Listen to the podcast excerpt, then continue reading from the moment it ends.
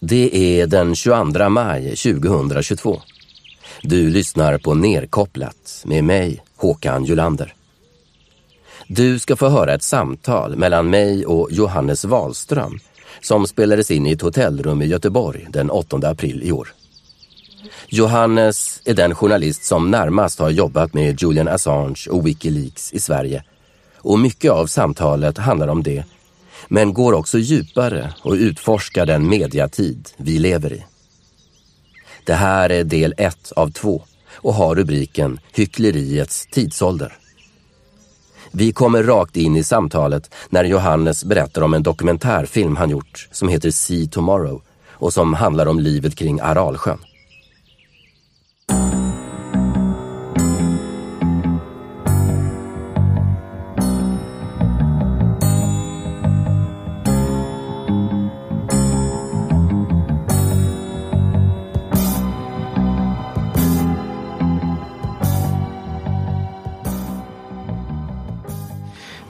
Ganska spännande eh, idé liksom, som vi på sätt och vis ville förverkliga eh, genom Aralsjön. Och det var väl egentligen ett, ett sätt att prata om, eh, om föreställningen av, eh, av världens undergång. Ja, Och undergången är ju någonting som vi alla på ett eller annat vis upplever i vår värld. Eh, eller en känsla utav att någonting är på väg att ta slut. Och, eh, och jag tror nog att man skulle kunna säga att det är definitionen på liksom den apatiska generationen. Det är den som lever med en känsla utav att någonting är på väg att, att krackelera. Eh, och, eh, och just i Aralsjön så finns, är det liksom en, en fysisk eh, eh, mikrokosmos där allting har gått sönder. Både ideologin, för detta Sovjetunionen, ekonomin, fullständigt raserad, ekologin, helt död. Eh, med liksom en av världens hav som har torkat ut och förvandlats till ett helvete. Liksom. Eh, och, och på den här platsen där allt har tagit slut så finns det fortfarande någonting. Just? Eh, och jag menar, rent, rent symboliskt så är det å ena sidan den här totala liksom, kollapsen eh, och slutet. Och det, det är bara liksom, några enstaka kilometer ifrån Aralsk, som då är huvudstaden av den här uttorkade Aralsjön. Där ligger Baikonur, varifrån eh, liksom, raketerna till, till rymden flyger iväg. Eh, fortfarande va? Det är Rysslands... De använder sig av den. Rys- Ryska kosmonauter flyger därifrån. va? alla kosmonauter i världen flyger därifrån. Aha. Det är, liksom, det är den plats det, där, där man flyger ifrån. Nu vet jag inte hur det är de senaste veckorna. Det kanske har slutat. Men, men på den här platsen då, som, som är eh, den, den symboliska undergången, så ser man också liksom, den här eh, flykten som på något sätt genomförs då.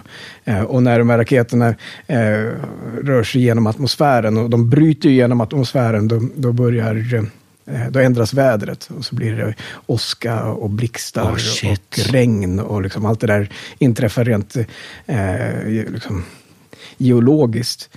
Eh, och, eh, och medan då den, den symboliska liksom, mänskligheten överger det, det förfallna nuet. Eh, så det vi ville göra det var liksom att skildra de människor som trots att allt har gått sönder står faktiskt kvar och, eh, och bygger upp den värld och den verklighet som finns. Och, och jag tror att det är ganska viktigt och anledningen till att vi gjorde den, den ville göra den berättelsen är någonstans för att om man tänker på, på slutet som, som en idé och tänker på eh, undergången som en tanke. Och den behöver ju inte vara, vara biblisk utav sin art. Va? Den kan ju vara hur, hurdan som helst. Kapitalismens slut, det är svårt att föreställa sig vad det betyder. eh, krig, det finns många olika sätt man kan föreställa sig slutet. Eh, så, så är ju slutet egentligen någonting ganska konkret. Eh, om du tänker på den värld som vi lever i idag så har hela den världen skapats utav två generationer. Det är ganska kort tid. Ja, kan man verkligen säga det? Jag menar, det är väl någonting som har...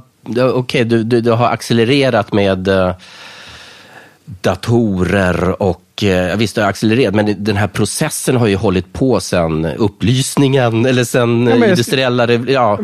Eh, jag, jag, menar inte att mänskligheten eh, dök upp för två generationer sedan, utan om man tänker sig bara rent, rent fysiskt dels eh, den arkitektur som finns runt omkring oss, eh, de, eh, den infrastruktur som vi omgärdas av, det tankegods som präglar vårt liv.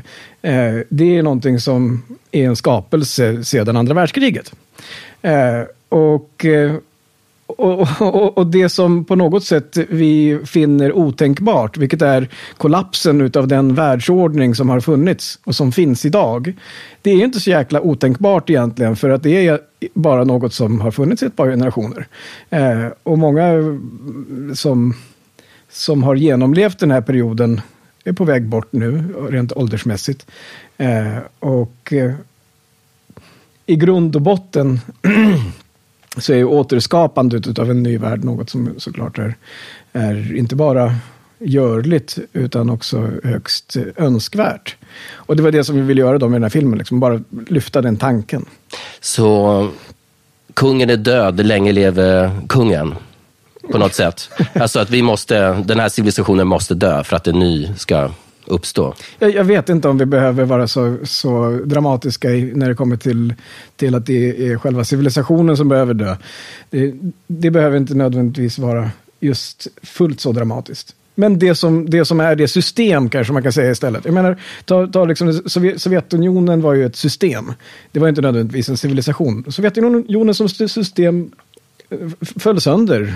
Eh, finns inte längre. Och det system som vi lever i idag, eh, som vi gärna låtsas om inte finns, utan vi använder sådana generella termer för att överhuvudtaget inte ens diskutera existensen av det systemet. Eh, det systemet krackelerar eh, på, så vis som det bara går att krackelera. Och det är möjligt att det kanske inte ens längre egentligen finns kvar. Nej, och man kan kalla det kapitalism eller eh, marknadsliberalism, eller, men det är ju ett, ett, eh, ett eh, att vi lever över våra naturliga resurser. Det är ju, det är väl liksom, det är ju där skon klämmer. Liksom. Vi lever högt över vad vi, vad vi har råd med när det gäller planetens resurser. det är en, en, en del av det. Jag skulle definiera vårt nuvarande system som hyckleriets system. Och, och, när jag säger det så vill jag inte lägga någon negativ värdering vid ordet hyckleri, utan snarare som ett, ett sätt att eh, eh som ett sätt för vår mänsklighet helt enkelt att driva fram eh, intellektuell och social utveckling. Och om man föreställer sig det som, de, som på sätt och vis är i varje fall eh, mitt yrkesfält som jag har arbetat med, eh, journalistiken.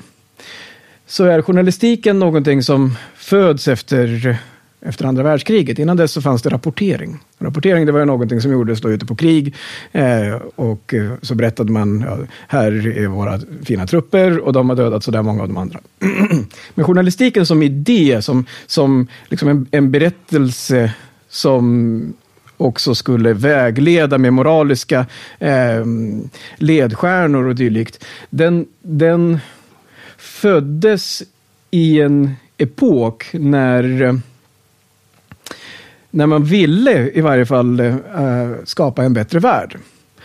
Och eh, andra världskrigets eh, eh resultat kom då till, till eh, födseln av en hel del olika dogmer, en hel del olika berättelser.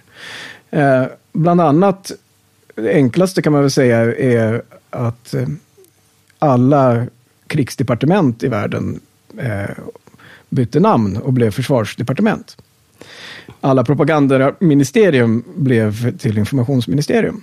Ja, det händer ju efter, efter andra världskriget och det händer inte nödvändigtvis för att man slutar bedriva propaganda eller, eller slutar eh, föra krig, utan för att man, man rent diskursivt vill berätta för sig själv som, som samhälle att vi egentligen strävar efter någonting annat. Och när man, när man gör den berättelsen, när man deklarerar om de mänskliga rättigheterna, man, man skriver FN-stadgan, man gör alla de här, de här deklarationerna. Då sätter man en ribba som är långt högre än det som mänskligheten ännu har skapat. Eh, och det, det föder det som jag menar är hycklerins tidsålder. Du har du å ena sidan en ribba liksom, där du säger vi, vi är demokratiska. Vi tror på alla människors lika värde. Vi bedriver inte anfallskrig. Vi tycker att alla människors röst är lika mycket värd och att sanning är någonting som vi eftersträvar. Och journalistiken då som, som instrument föds i det där gapet mellan det som deklareras och det som, det som är. Hur kan ni hävda då att, eh, eh, att det är eh, demokratiskt? Titta här, här har ni fuskat med, med eh, eh rösträkningen. Eller eh, om nu, eh, eh, vad vet jag, det är fel att stjäla. Här är det någon, någon som har, har tjuvat och så vidare. Och, och, och det, den processen utav utav att berätta, inom citattecken, sanningen i förhållande till den deklarerade eh, dogmen är det som då eh, blir både journalistiken, men det blir också eh, det blir det som, som idé eh, ska driva samhället närmare de här målen som man har satt upp. Du, nu har vi verkligen gått igång. Jag, vi har inte, jag har inte ens presenterat dig än. Mm. Du heter Johannes Wahlström och är en av, eh, var en av Sveriges mest eh, framträdande journalister. Du, fick, eh, du gjorde ett jättegräv där på mm, mm, Macchiarini 2016 och fick pris och allting. Och eh, jag tänkte att det här är så jäkla intressant. Jag vill inte bryta din svada här, men du är, hur ser du på dig själv och din journalistiska gärning? Vad är du mest eh, mm, stolt över? Och, så att vi får en liten berättelse om vem du är och vad du har i ditt journalistliv och vad du är mest stolt över? Oj, det är en, det är en väldigt bra fråga. Eh, jag, jag, vågar nog inte säga att jag, att jag är så jättestolt över min journalistiska gärning överlag, men det jag kan säga har varit min ledstjärna har varit att försöka att berätta och försöka att göra inom eh, de ramar som finns för journalistiken eh, det som andra inte vill av olika anledningar. Oavsett om det har varit specifika korruptionsaffärer eller om det har handlat om, om mer komplexa ämnen så har jag alltid dragits till just det som av någon anledning eh, jag har tyckt eh, kollegor har dragit sig för att diskutera. Um, kan du ta några exempel? Alltså det allt i princip ifrån beskrivningen av Israel-Palestina-konflikten till Eh, Eh, hur Sida har varit involverade i korruptionsaffärer i tredje världen till eh, hur eh, svensk massmedia, och då tänker jag på stora medieföretag såsom Bonniers, eh, har samarbetat med regering för att eh, å ena sidan då stödja enskilda politiska partier och å andra sidan få schyssta ekonomiska eh, paybacks för, för det. Eh, sen till... Eh, jag har gjort ofantligt många eh, avslöjanden, om man får använda det ordet, i relation till, till Wikileaks. Och det hade väldigt mycket att göra med hur eh, bland annat då svenska departement i strid mot svensk lagstiftning, eh, kartlade svenska medborgares åsikter och skickade över de uppgifterna till eh, amerikanska myndigheter. Ganska många olika, olika ämnen får jag väl säga. Men, men den liksom gemensamma nämnaren har ju varit att det har alltid varit någonstans på gränsen till det som eh, folk har tyckt har varit jobbigt, genom redaktioner i varje fall. Men det är väl en journalists uppgift, alltså i den här moderna, journalister har inte funnits så länge, det var väldigt intressant det du sa, men i den här moderna eh, det här moderna yrket som uppkom efter andra världskriget, att verkligen göra detta, att vara att granska makten. Det är så självklart. vi är ju uppväxta med den tanken. Liksom. Varför var det svårt? Eh, det, att det var svårt det var väl helt okej. Okay. Det kände inte jag var nödvändigtvis något, något fel. Även om det emotionellt var jobbigt att, äh, att folk blev arga. Det, det, men det är bara rent mänskligt jobbigt. Äh, men det, det som blev svårt var väl snarare, tror jag, det, det, den, den systemförändring som på sätt och vis har ägt rum under de senare tio åren. Och den har kommit gradvis och sen eh, någon gång 2016, 17, 18 eh, blivit så pass stark att eh, det i stor utsträckning inte längre är möjligt att bedriva journalistik. Johannes, ta den här resan för mig. När du, eh, hur du upptäckte och började arbeta med Wikileaks och vad det fick dig att känna. Om du fick någon större tro på journalistiken då och, och resan till idag. Vad, vad känner du? Vad är, det för, vad är det för utveckling du personligen har varit med om i din journalistikgärning? Kul att höra hur du kom i kontakt med Wikileaks också. Ja. Eh, jag... Eh, vi sitter nu i, i centrala Göteborg eh, och eh, 2007 måste det ha varit. Eh, så var jag redaktör för en tidskrift i Göteborg som heter Tromb. Och eh, den här tidskriften eh, hade eh, hade fått en ansenlig summa pengar från Allmänna arvsfonden eh, till att bedriva journalistik och utöver det så hade vi något som vi kallade för ett demokratiprogram och det gick ut på att vi föreläste i skolor eh, om hur man ska stå upp eh, för det man tror är rätta och eh, ja, idéer om sanning och, och dylikt. Och eh, i och med att vi hade en, en så pass stor budget som, som vi hade också som tidskrift så eh, så hade vi en möjlighet att avsätta tid och resurser till att göra journalistik som inte så många andra hade. Eh, så under några enstaka år så förvandlades den här tidskriften till att bli en av Sveriges största samhällsmagasin. Vi hade en upplaga på cirka 30 000, eh, vilket är ganska ansenligt får man säga, eh, även på den tiden innan upplageraset. Och vi fick en hel del olika priser i kategorin Årets tidskrift och sådär. Och jag var redaktör för den här tidskriften och jag fick helt enkelt ett eh, e-postmeddelande man får rätt många olika e-postmeddelanden. Jag fick ett e-postmeddelande av en, en person eh, som ville träffas.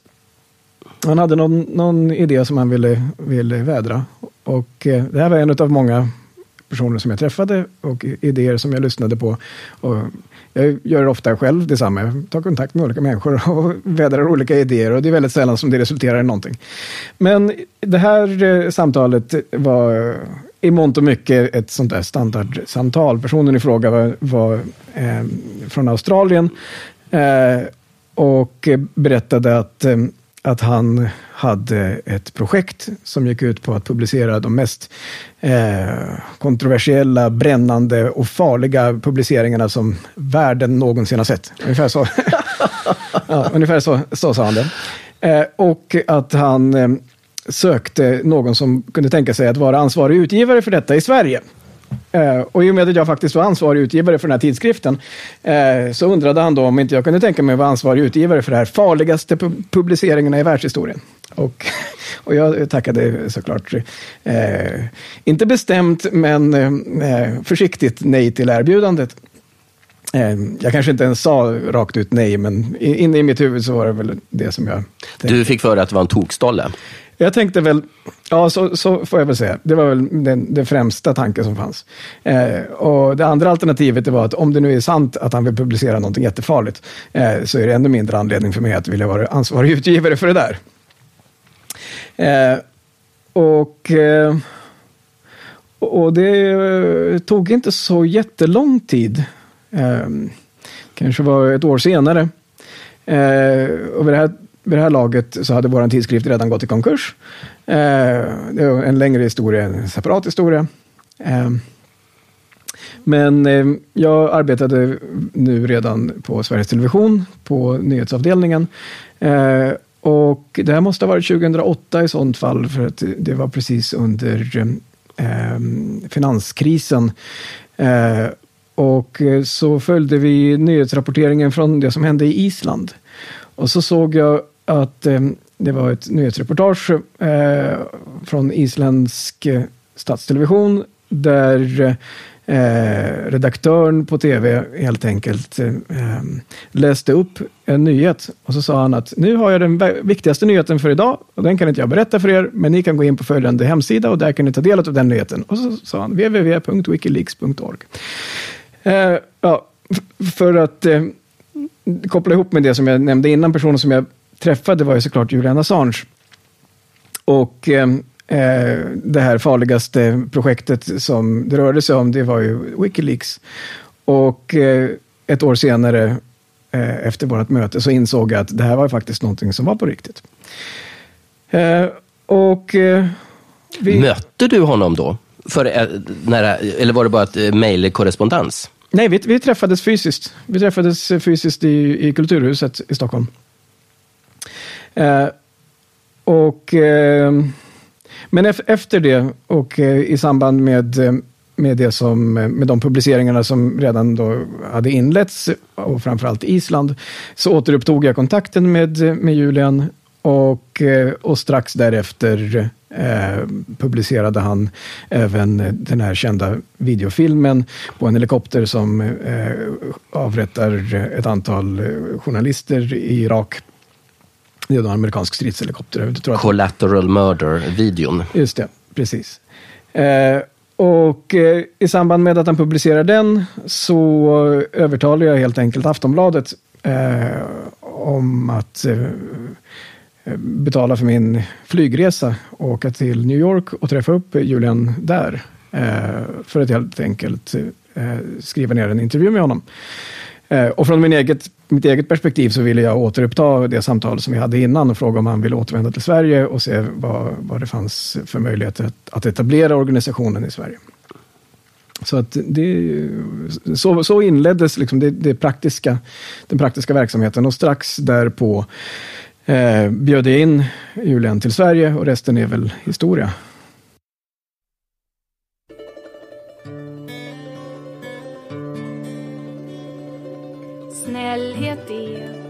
Låta sig bli slagen och aldrig slå igen. Snällhet är att bara lyda lagen och aldrig ens ifrågasätta den. Snällhet är ett sätt att dölja att man inget har att säga som är värt att sägas klart. Snällhet är mer än man tänker på att låta gå, att vägra att förstå. Snällhet är en form av likgiltighet. Um glädjande på sätt och vis, det var ju att den känslan, och du beskriver det som en eufori på något plan, den, den känslan delades ju utav eh, redaktionerna också. Och det var det som var så spännande. För jag hade ju en, en generell skeptisk inställning till kollegor inom journalistiken. Eh, som man alltid på sätt och vis har, antar jag, inom, inom sitt skrå. Eh, och... Eh, och här var det som att eh, även de mest cyniska murvlarna var väldigt entusiastiska över möjligheten som, som det här eh, erbjöd. Och att det var ett sätt att kringgå den egna censuren och den egna eh, interna begränsningen som finns på respektive redaktion. Och eh, ehm, jag, jag, jag, tror att i, i mångt och mycket så är det här någonting som man kanske inte fullt ut har eh, diskuterat tillräckligt mycket eller förstått tillräckligt mycket i förhållande till vad Wikileaks var. Eh, Assange brukade kalla det för a publisher of last resort. Det vill säga den plats eh, där något kan publiceras som ingen annan vill publicera. Och, och det var ju på något sätt det som eh, var för mig en ledstjärna i min journalistiska gärning från början, att jag ville göra det som ingen annan ville göra. Och det var inte alltid så att jag förstod varför ingen annan ville göra det. Jag trodde att det kanske var så att ingen annan hade förstått eh, ja, Titta till exempel eh, på beskrivningen av eh, Israel-Palestina-konflikten. Eh, och så tänkte jag, det här är helt otroligt och jättemärkligt. Hur kommer det sig att ingen, ingen har pratat om att israeliska regimen har ett liksom institutionaliserat propagandaorgan som ser till att, att smutskasta de som, som berättar hur det är. Och så, jag var helt övertygad om att det var något som jag hade kommit på, för det, ingen annan hade sett det. Och sen så insåg jag ju då i min, i min eh, ungdomliga eh, naivitet att nej, men det var ju inte så. Det var ju något som alla, alla visste om. men att man pratade inte om det. Så samma sak då med, med Wikileaks, att det möjliggjorde publiceringar som faktiskt redan fanns ute bland eh, journalisterna. Och om vi pratar om då Collateral Murder-filmen. Collateral Murder-filmen, den fanns ju redan både hos New York Times och Washington Post i flera år innan eh, den publicerades av Wikileaks. Eh, nu minns inte jag exakt namnet på, på reportern, man skulle kunna leta upp det. Eh, men eh, eh korrespondenten för Washington Post eh, som var baserad i Bagdad hade skrivit ut hela händelseförloppet ord för ord i, eh, i sin bok som publicerades då två år innan eh, Collateral Murder-filmen kommer ut. Vilket är ett, ett absolut bevis på att han haft tillgång till den här filmen men inte har publicerat den. Eh, vi vet sen också att, eh, att Manning försökte att, eh, att läcka hela eh, Cablegate, alla sina dokument eh, till New York Times och Washington Post innan han vände sig till, eh, till eh, Wikileaks. Men vänta, han hade redan läckt dem? De hade redan tagit emot dem alltså? Han hade erbjudit dem det. Men de, de hade ju sett videon. Ja, men det var en annan. Den videon hade han fått från militären. Eh, och, och det var den specifika korrespondenten. Så att korrespondenten i fråga hade tillgång till videon och den valde han att inte publicera. Eh, och det måste man ju sätta in någon form av eh, perspektiv också för att under loppet av hela den här tidsperioden eh, från det att eh, avrättningen äger rum till att filmen publiceras så bedriver då Associated Press ett försök till eh, att att, eh, att ta reda på sanningen. Man driver en rättsprocess mot den amerikanska militären för att få ut de här, den här filmen. Eh, och samtidigt så vet vi då de facto att, eh, eh att de här olika eh, liksom väletablerade mediehusen faktiskt sitter på filmen och eh, bara eh, håller den för sig själva. Men det som kommer att hända med med eh, läckan av Cablegate var ju samma sak då. Det var en betydligt större läcka och där ville eh, vare sig Washington Post eller New York Times ha tillgång till det här materialet. Man, Berätta vad Cablegate är. Det, det är ju den, den stora eh, läckan som nu Assange eh, åtalas, har åtalats för. Och eh, det är eh, samlad korrespondens ifrån, inifrån det amerikanska utrikesdepartementet.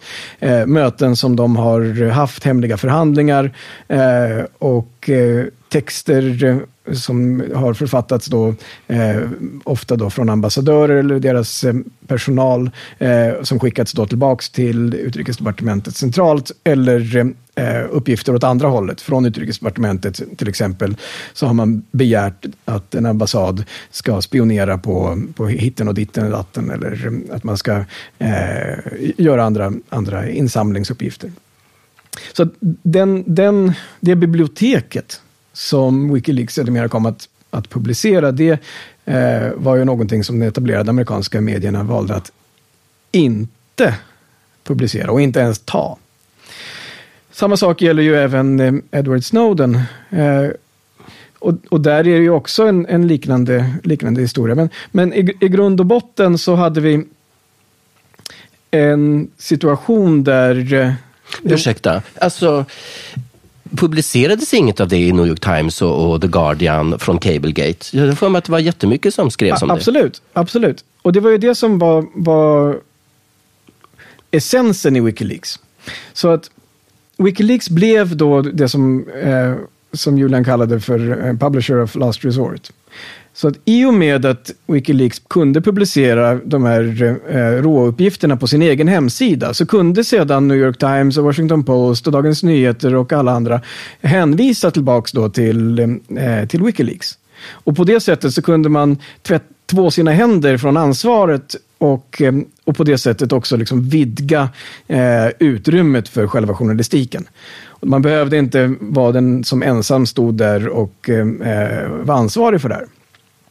Så att även, även en tidning som New York Times, som vi senare kom att förstå, eh, ändå manipulerade det de publicerade.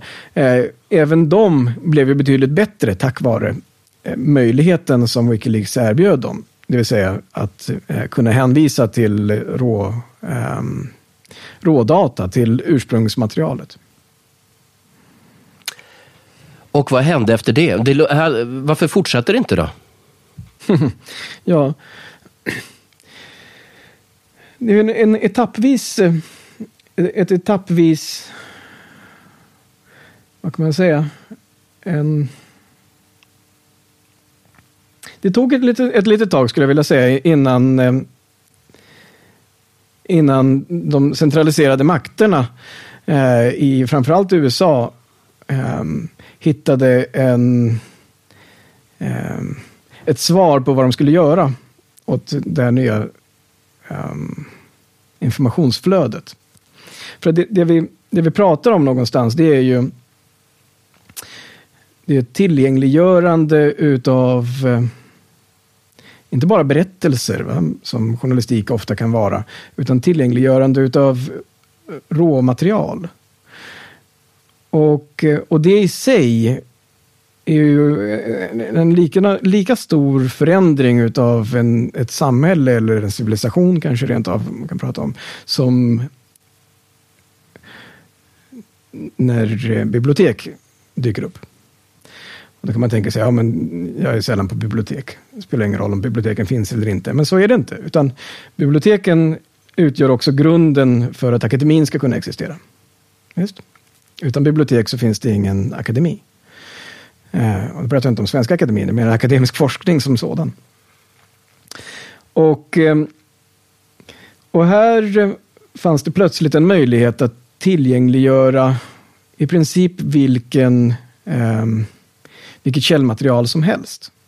Som skulle tvinga journalistiken till att hänvisa och eh, att eh, ursprung kontrolleras. Eh, och att bli akademisk på ett helt annat plan än vad det någonsin har varit. Och det i sig visade sig vara um, farligt helt enkelt för den etablerade maktstrukturen i USA. Uh, och eh, jag vet inte i vilken mån det var farligt på riktigt eller om det var en, en eh, eh upplevelse av att det var farligt. En fråga.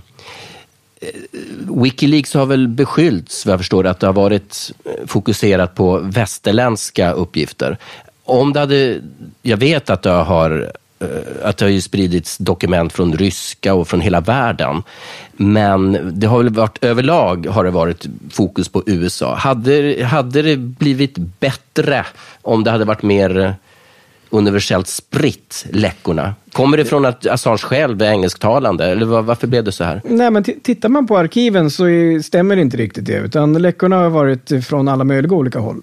Det, och jag har varit involverad i läckor som kommer från Ryssland också för den delen, som är på ryska. Så det, det, det stämmer inte. Anledningen till att jag nämner USA, det är för att oavsett om eh, eh, Kenias regering eller den ryska regeringen eller eh, den kinesiska regeringen eller eh, liksom, fiskemagnater från Island blir upprörda över publiceringar så har inget av det haft en minsta inverkan på Wikileaks möjlighet att fortsätta publicera. Och de enda som de facto kunde inverka på det, det visade sig vara just USA. Eh, och, eh, och den totala antidemokratiska eh, svaret, eller vad man ska uttrycka det som, som kom just från USA i förhållande till, till Wikileaks eh, publiceringar, den, den sticker ut väldigt, väldigt starkt.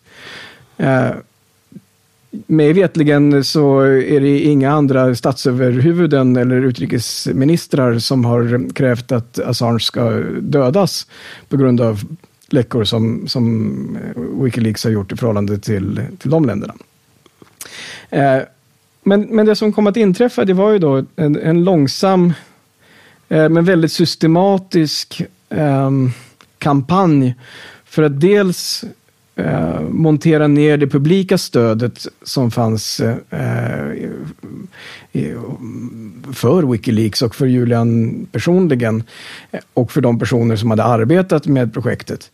Eh, och sen även eh,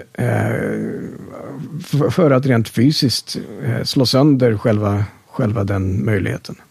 Ja, och slutligen såklart med, med fängelse.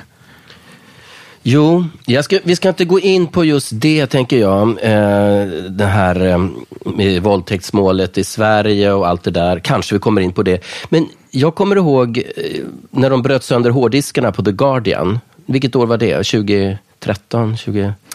Jag, jag, minns inte exakt. Men det var ju innan våldtäkterna och det. Alltså det var ju... Nej, nej det var det nog inte. Var det inte det? Nej. Jag, nej jag, jag, tror att eh, hårddiskarna det är i samband med, med Snowden-läckan. Så det är 2014 förmodligen, 13, 14 kanske något sånt. Eh, min, min gissning. Men det, det, spelar mindre roll. Det, det handlar egentligen om att, att en, en, eh, en medieinstitution är en, en del av den makt som den påstås granska. Och ehm, och det är väl det som på sätt och vis den här eh, lilla eh, liksom, Eh, e-, episoden så, så fint illustrerar. Att eh, chefredaktören för eh, Englands främsta tidning eh, tillsammans med chefen för underrättelsetjänsten går ner och borrar sönder de hårddiskar som, som berättar om hur deras egna myndigheter har bedrivit spionage på deras egen befolkning. Eh, för det här hade ju lika mycket att göra med, engels, med, med det engelska spionaget som, som eh, det amerikanska. Men, men det är det som någonstans är, eh, är det grundläggande problemet. Att om, om media är en del av makten och samtidigt då ska påstå sig vara den som granskar makten ja, men, då blir det plötsligt eh, en herrans massa eh, en, en herrans massa intressen som gör att den granskningen kanske inte riktigt kan äga rum. Och, ehm, och det som vi var inne på i, i början av samtalet när, när, vi, när vi inledde om, om just slutet på en, på en viss eh, epok så tror jag att eh, och nu springer jag fram på sätt och vis i händelseförloppet, men jag tror att det som eh, det som har kommit att inträffa med, med, den, med den brutala nedmonteringen utav det fria informationsflödet och där fallet Wikileaks och Assange är blott eh, talande exempel. Så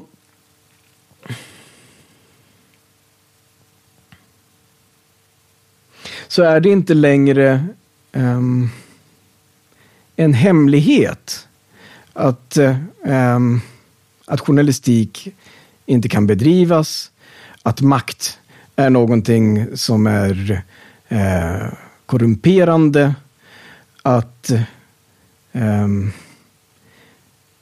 att de juridiska systemen är eh, påverkbara, minst om jag uttrycker på det sättet. Och i och med att det inte längre är en hemlighet så blir det inte längre konkurrenskraftigt för systemet att, um, att låtsas appellera på de här eh, stora värderingarna som man gjorde efter andra världskrigets slut.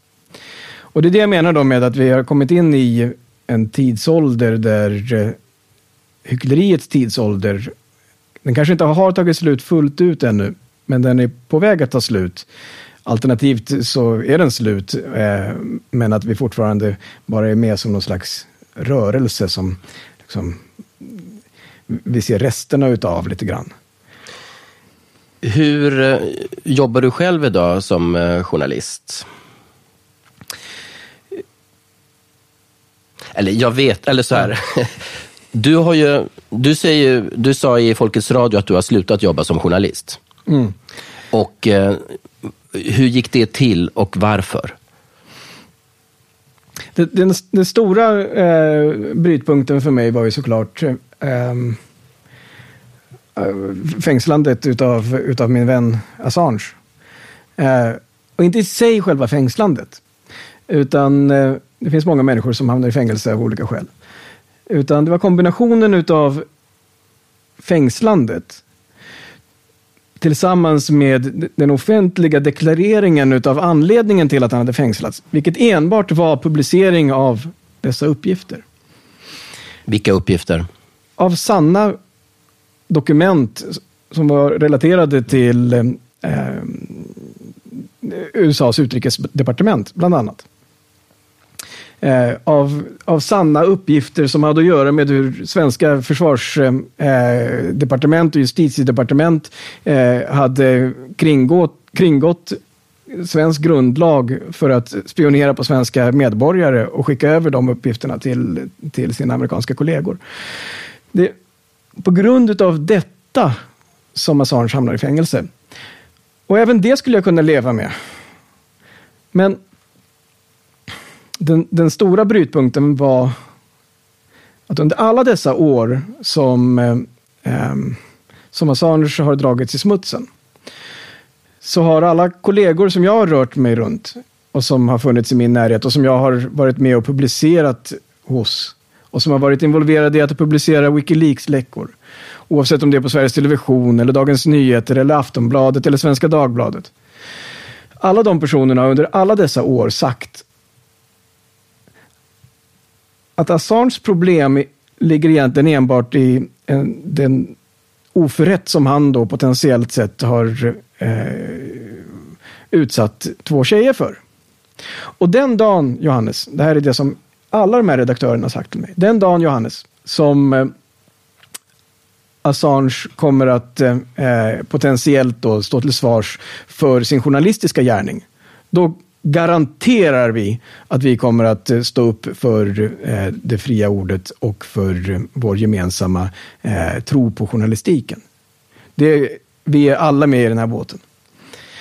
Men när det väl inträffade, när de drog ut Julian ur, ur eh, ambassaden i London och släpade iväg honom till Belmarsh-fängelset som är engelska motsvarigheten till Guantanamo. Jag skrev ett, ett upprop då i Aftonbladet eh, där jag försökte påminna alla mina kollegor om, eh, ja, ni har ju faktiskt lovat att, eh, eh, att nu ska vi alla stå upp för den här saken. Då var det som att alla de här personerna och det är många av dem som har gjort sig namn och karriärer på de publiceringar som Wikileaks har, har tillhandahållit. Alla de gömde sig och höll helt tyst. Jag kan faktiskt inte komma på en enda person som vi har jobbat med under de åren i Sverige som faktiskt gjorde det rak, raka och höll det löfte som, som ställdes. Och det, det var nog den riktiga brytpunkten för mig. För då insåg jag att alla mina kollegor vet vad som händer. Eh, och nu är det bara en fråga om att rädda sitt eget skinn och att, eh, eh, att hålla tyst om den oförrätt som äger rum. Och det är det enda de gör just nu. Så det var den stora brytpunkten. Men, men för att vara riktigt uppriktig så är det klart att det är en, det är en process som har ägt rum under, under många år. Eh, och den processen den har, eh, den har accentuerats och den har eh, accelererat eh, till den nivå där väldigt viktiga eh, journalistiska avslöjanden inte har kunnat publiceras i svensk media. Eh, och jag har arbetat med, med några större avslöjanden då tillsammans med eh, väldigt viktiga redaktörer inom, inom vår yrkesbransch. Och eh, eh utan att behöva nämna namn, eh, en av eh, redaktörerna, eh, jag kan säga det, undrar i vilken mån jag kan, kan säga det utan att det kanske inte spelar så stor roll.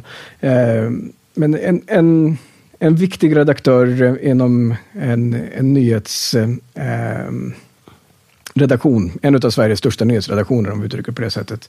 Eh, som helt enkelt eh, efter några veckors arbete tillsammans med mig, där vi har eh, kommit underfund med och hittat en väldigt stor korruptionsaffär som involverar eh, eh både utrikesminister och en av eh, eh, de största lotterierna i Sverige. Eh, så kommer den redaktören ner till mig bara dagarna innan, innan det är tänkt att det här ska publiceras. Och så säger han att, att han har fått ett samtal på högre ort eh, och att de har bestämt att det här inte ska publiceras. Eh, och, och, och de händelserna de, de äger rum oftare och oftare. Vilket år var det här? Det här är 2016, 17 ungefär. Eh, men men när, när, från att då ha varit enstaka tillfällen till att det har blivit en trend så kommer ju jag mer och mer att inse att eh, ehm, jag, man kan bedriva journalistik. Det kan man. Eh, men det är samma sak som att eh, ehm, Ja, jag vet inte hur man ska uttrycka det. Samma sak som att eh, försöka att eh, och hoppa höjd. Och så får du aldrig hoppa högre än 20 centimeter mm. Ja, men då kanske det inte finns en större poäng med att tävla heller. Eh, om man nu bara tänker sig från det perspektivet. Men inte bara det, utan det är också en fråga om att allt det som egentligen är viktigt eh, och som spelar roll blir plötsligt utanför det tillåtna.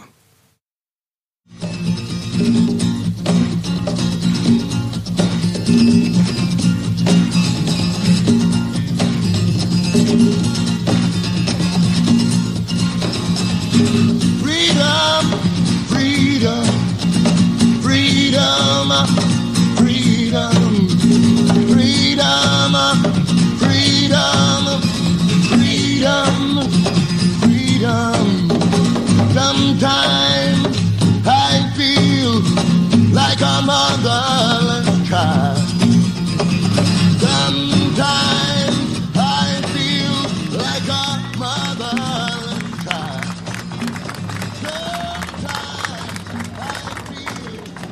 Dikten heter You are in prison.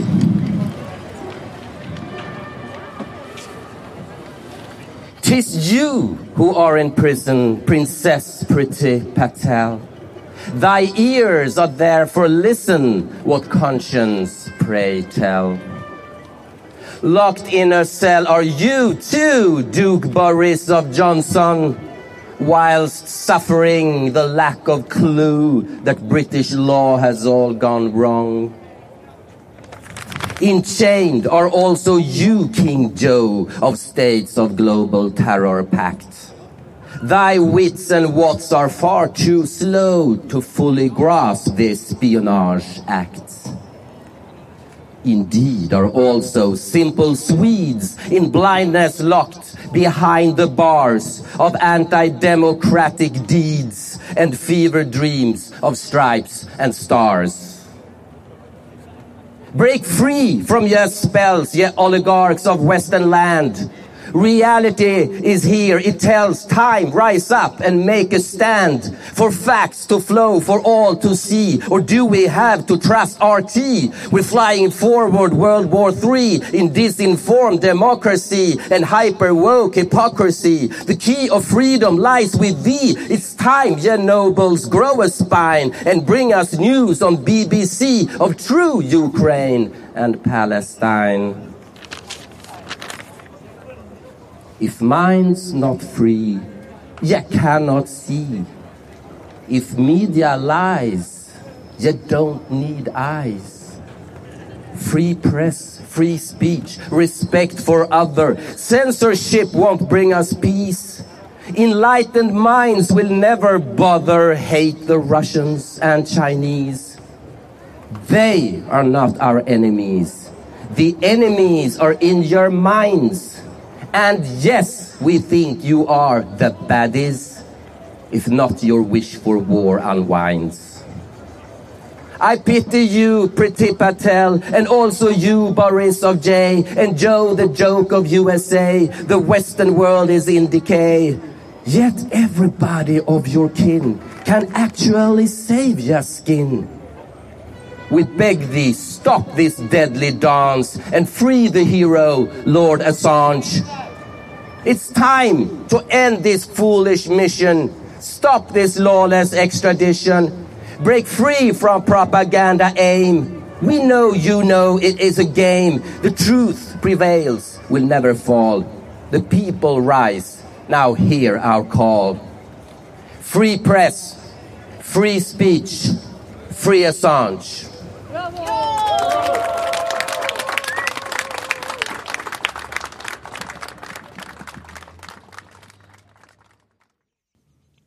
Du har lyssnat på Nerkopplat, en analog angelägenhet i ett digitalt delirium. Musik i programmet var Om snällhet med Turid och Freedom med Richie Havens.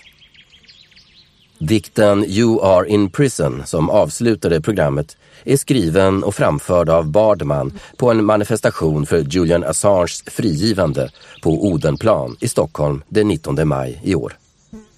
Stöd kampen för pressfrihet och Julians omedelbara frigivande.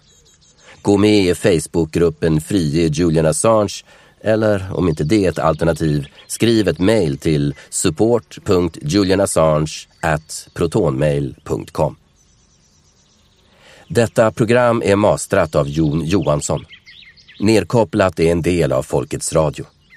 Stöd gärna Nerkopplat med en pengagåva på Swish.